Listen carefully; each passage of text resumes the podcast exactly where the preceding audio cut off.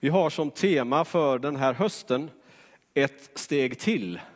Det betyder att vi uppmanar varandra att ta ett steg till och det fick vi verkligen pröva på här idag. Så tack för att vi fick vara med och ta ett steg till. Eh, allihopa här, det var väldigt spännande att se stegen hos många.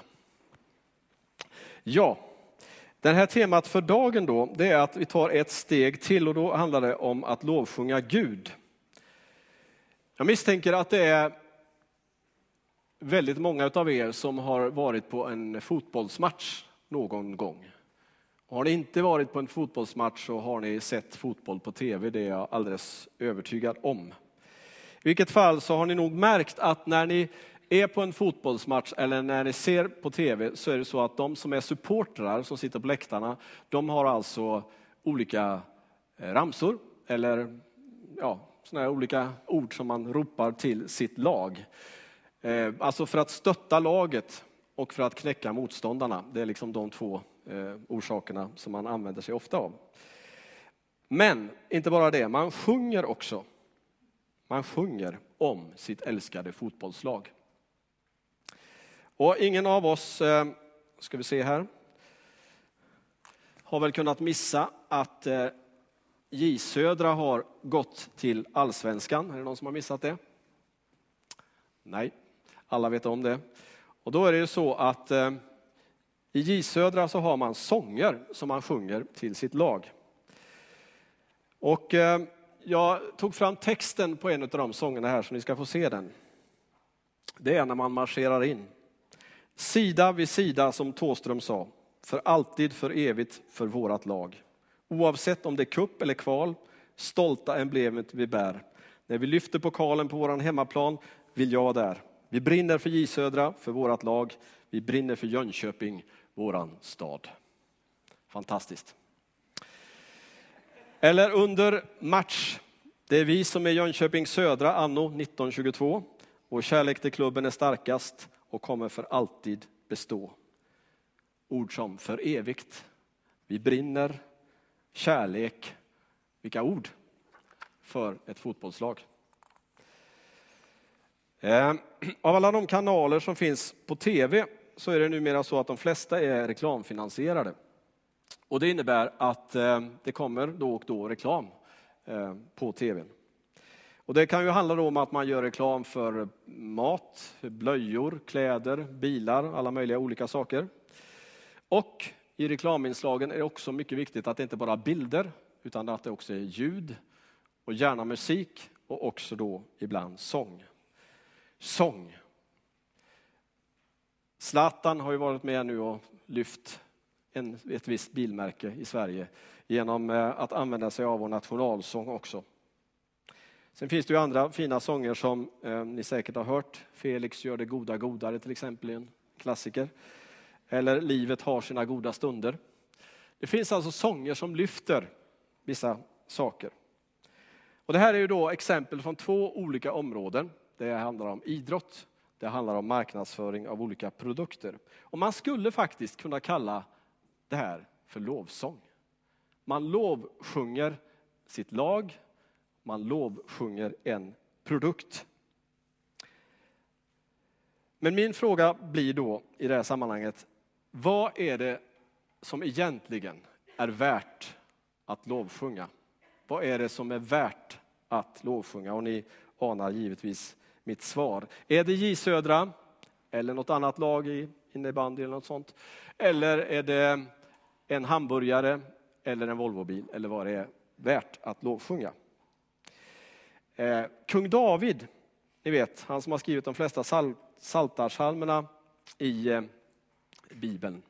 Han har, eh, vi hoppar över några bilder här, nu får vi titta på dem då. Där, är detta värt att lovsjunga? Så var det ja. Nu, eh, han har skrivit så här. De andra prisar vagnar, de prisar hästar, men vi prisar Herren, vår Guds namn, sa kung David. De andra, alltså det var väl förmodligen några fiender då, de prisade sina fantastiska hästar, de prisade sina fantastiska stridsvagnar. Men, säger David, det gör inte vi. Vi prisar Herren. I Sverige finns det många som prisar hästar och vagnar, om man åker till Axvalla och Solvalla och sådär. Men det finns något annat som är värt att prisa. Kung David lyfter fram det här. Och nu vill jag lyfta fram en annan text från Bibeln. Och det här är skrivet, eller framfört i alla fall, från början av en 14 år gammal flicka cirka. Och ni känner igen den. Då sa Maria, min själ prisar Herrens storhet. Min ande jublar över Gud, min frälsare. Han har vänt sin blick till sin ringa tjänarinna och från denna stund ska alla släkten prisa mig salig. Stora ting låter den mäktige ske med mig. Hans namn är heligt. Och hans förbarmande med dem som fruktar honom varar från släkte till släkte. Han gör mäktiga verk med sin arm, han skingrar dem som har övermodiga planer och han störtar härskare från deras troner och han upphöjer de ringa.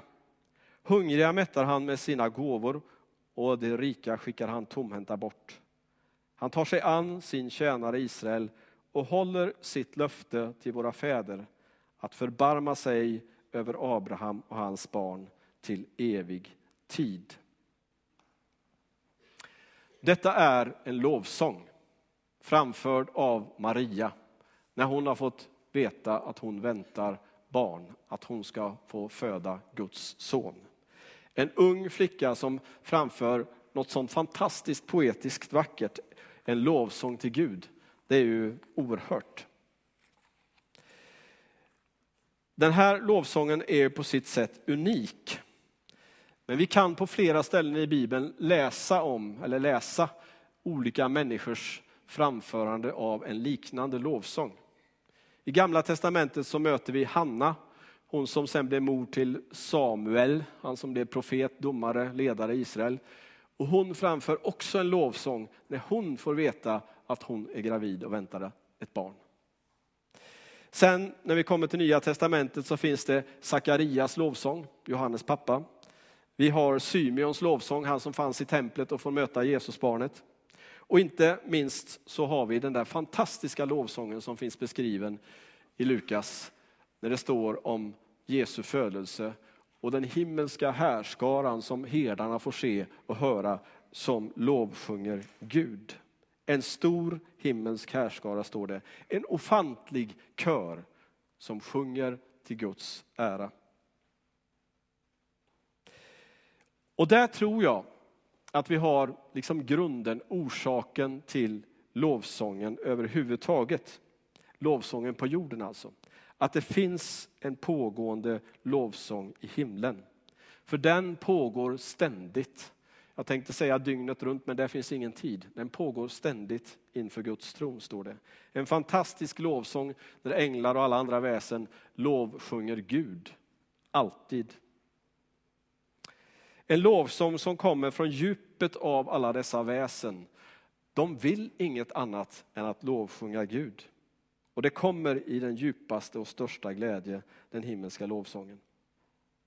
Och om vi går tillbaka till Maria så tror jag att när hon framför den här fantastiska texten så är det inte hon själv som bara kommer på det där.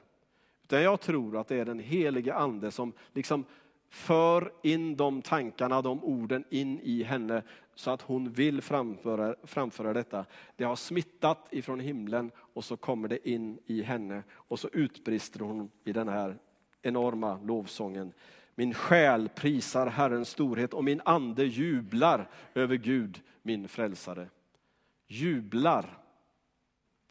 Jubel och glädje kanske förknippas med lovsång. Men hur är det? Sjungs lovsång bara till Gud när det är jubel och när det är glädje? När allt är fantastiskt och allt bara är bra? Nej, inte alls. Och tänker man på Maria så var det säkert inte bara jubel och glädje.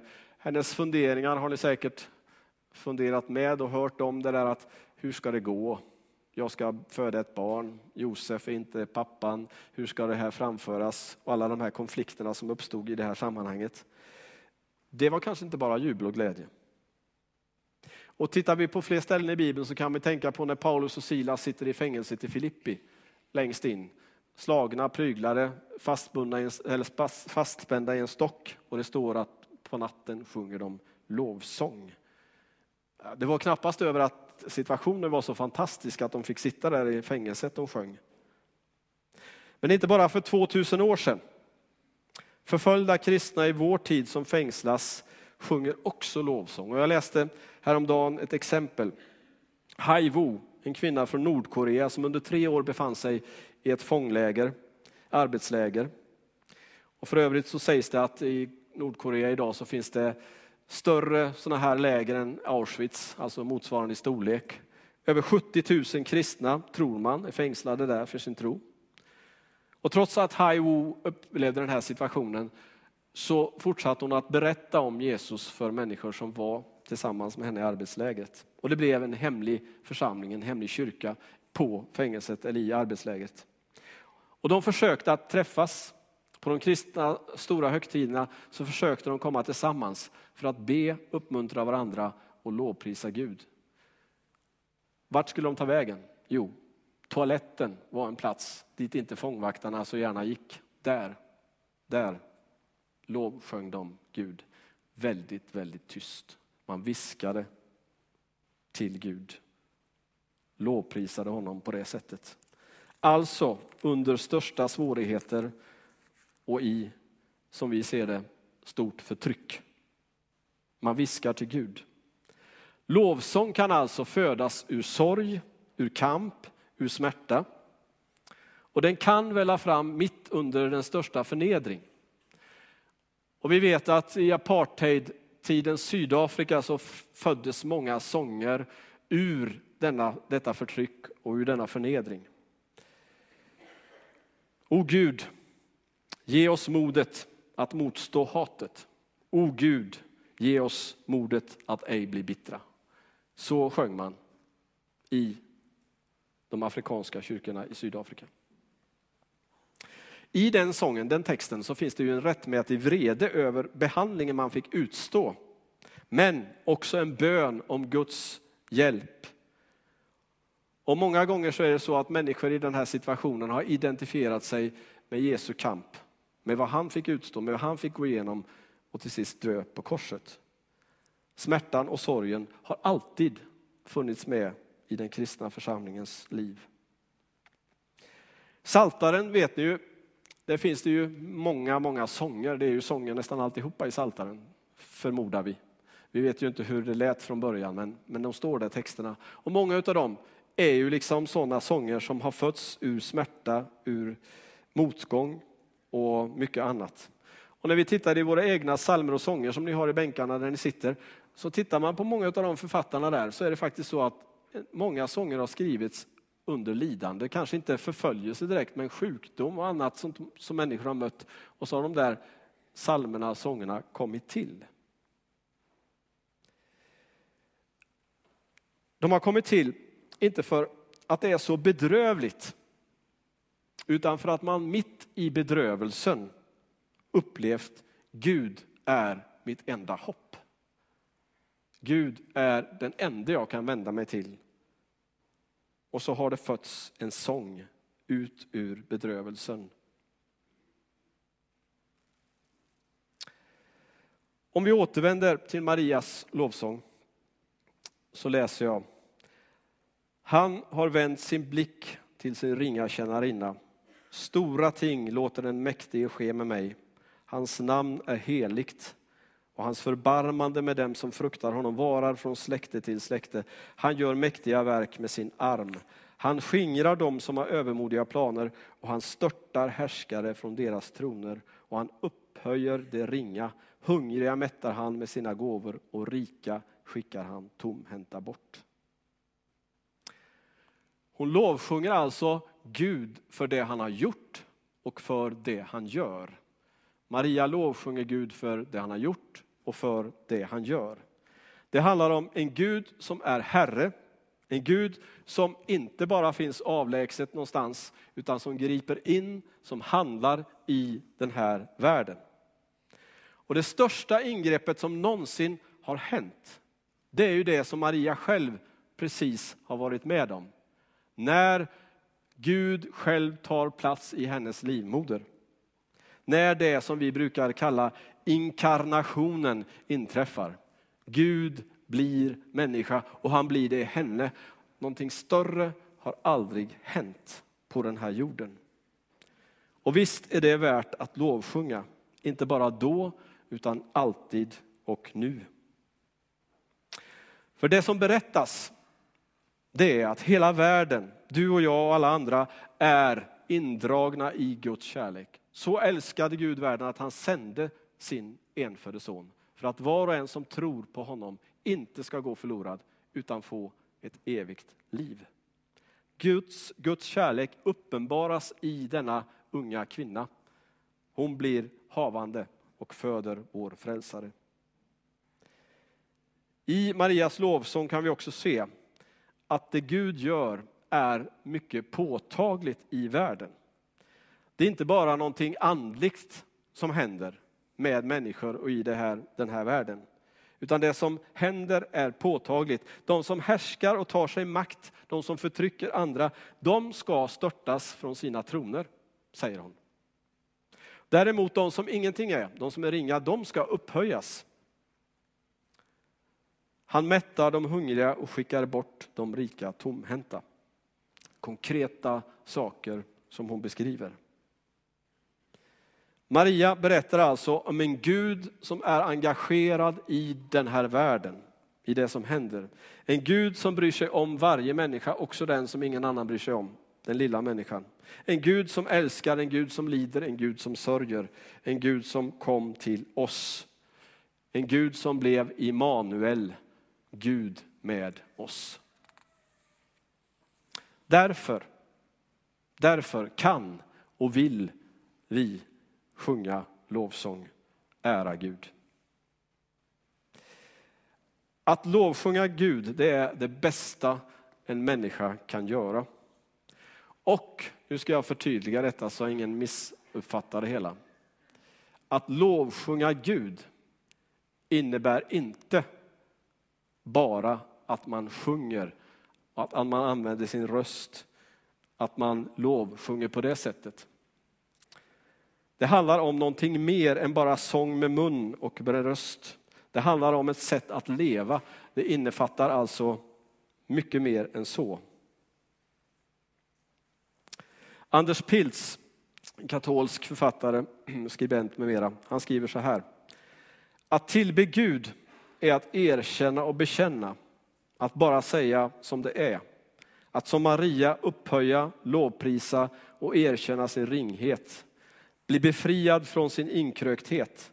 Att tillbe är att rätas ut, upprättas, att kunna se ut, se uppåt och stå upprätt.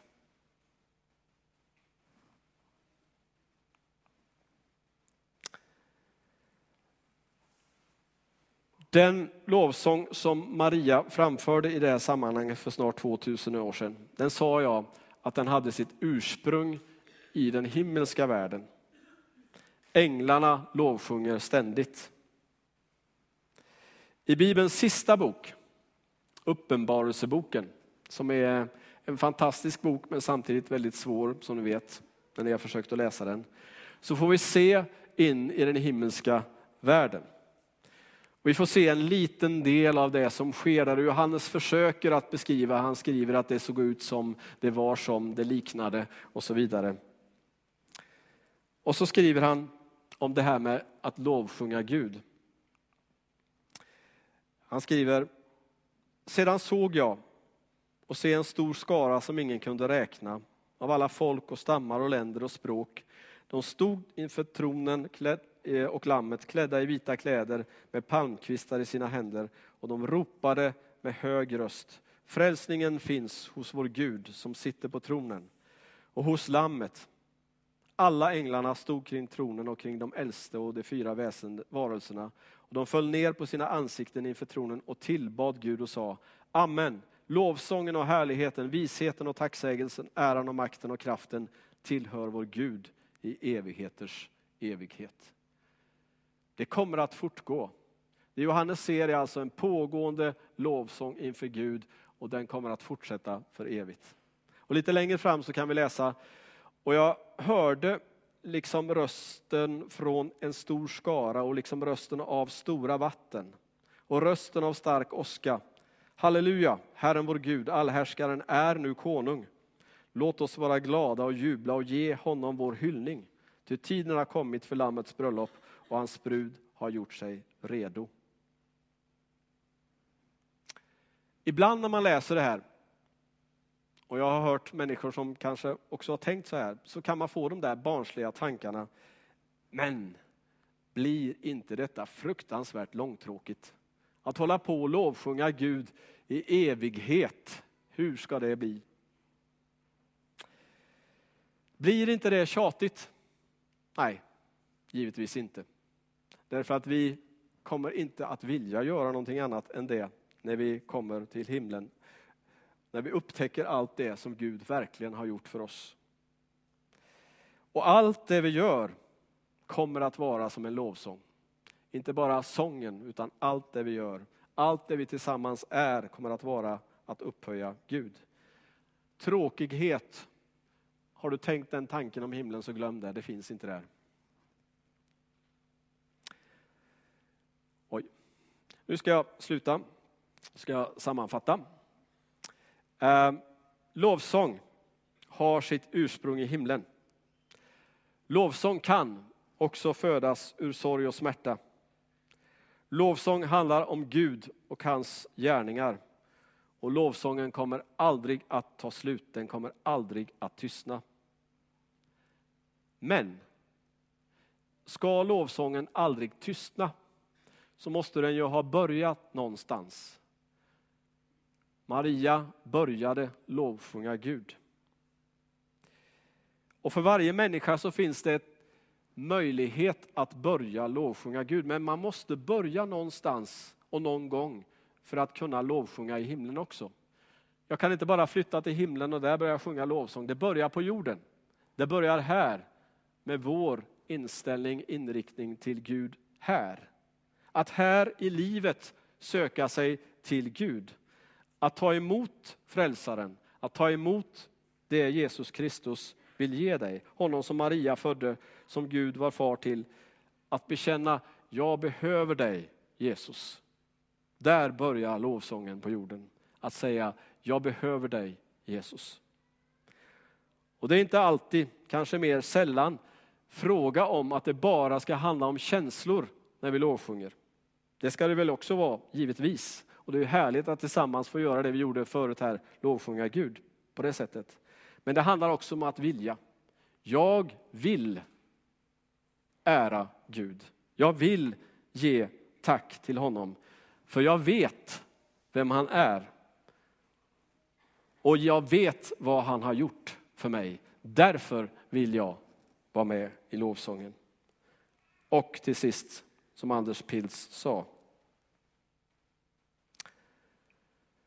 Att tillbe är att rätas ut upprättas. Att se uppåt, stå upprätt. Lovsång och tillbedjan förvandlar alltså mig själv och gör mig och dig till en upprättad människa. Lovsången förvandlar dig och mig och gör oss till upprättade människor. En upprättad människa som ser honom Jesus och som också i honom ser verkligheten själv. Amen.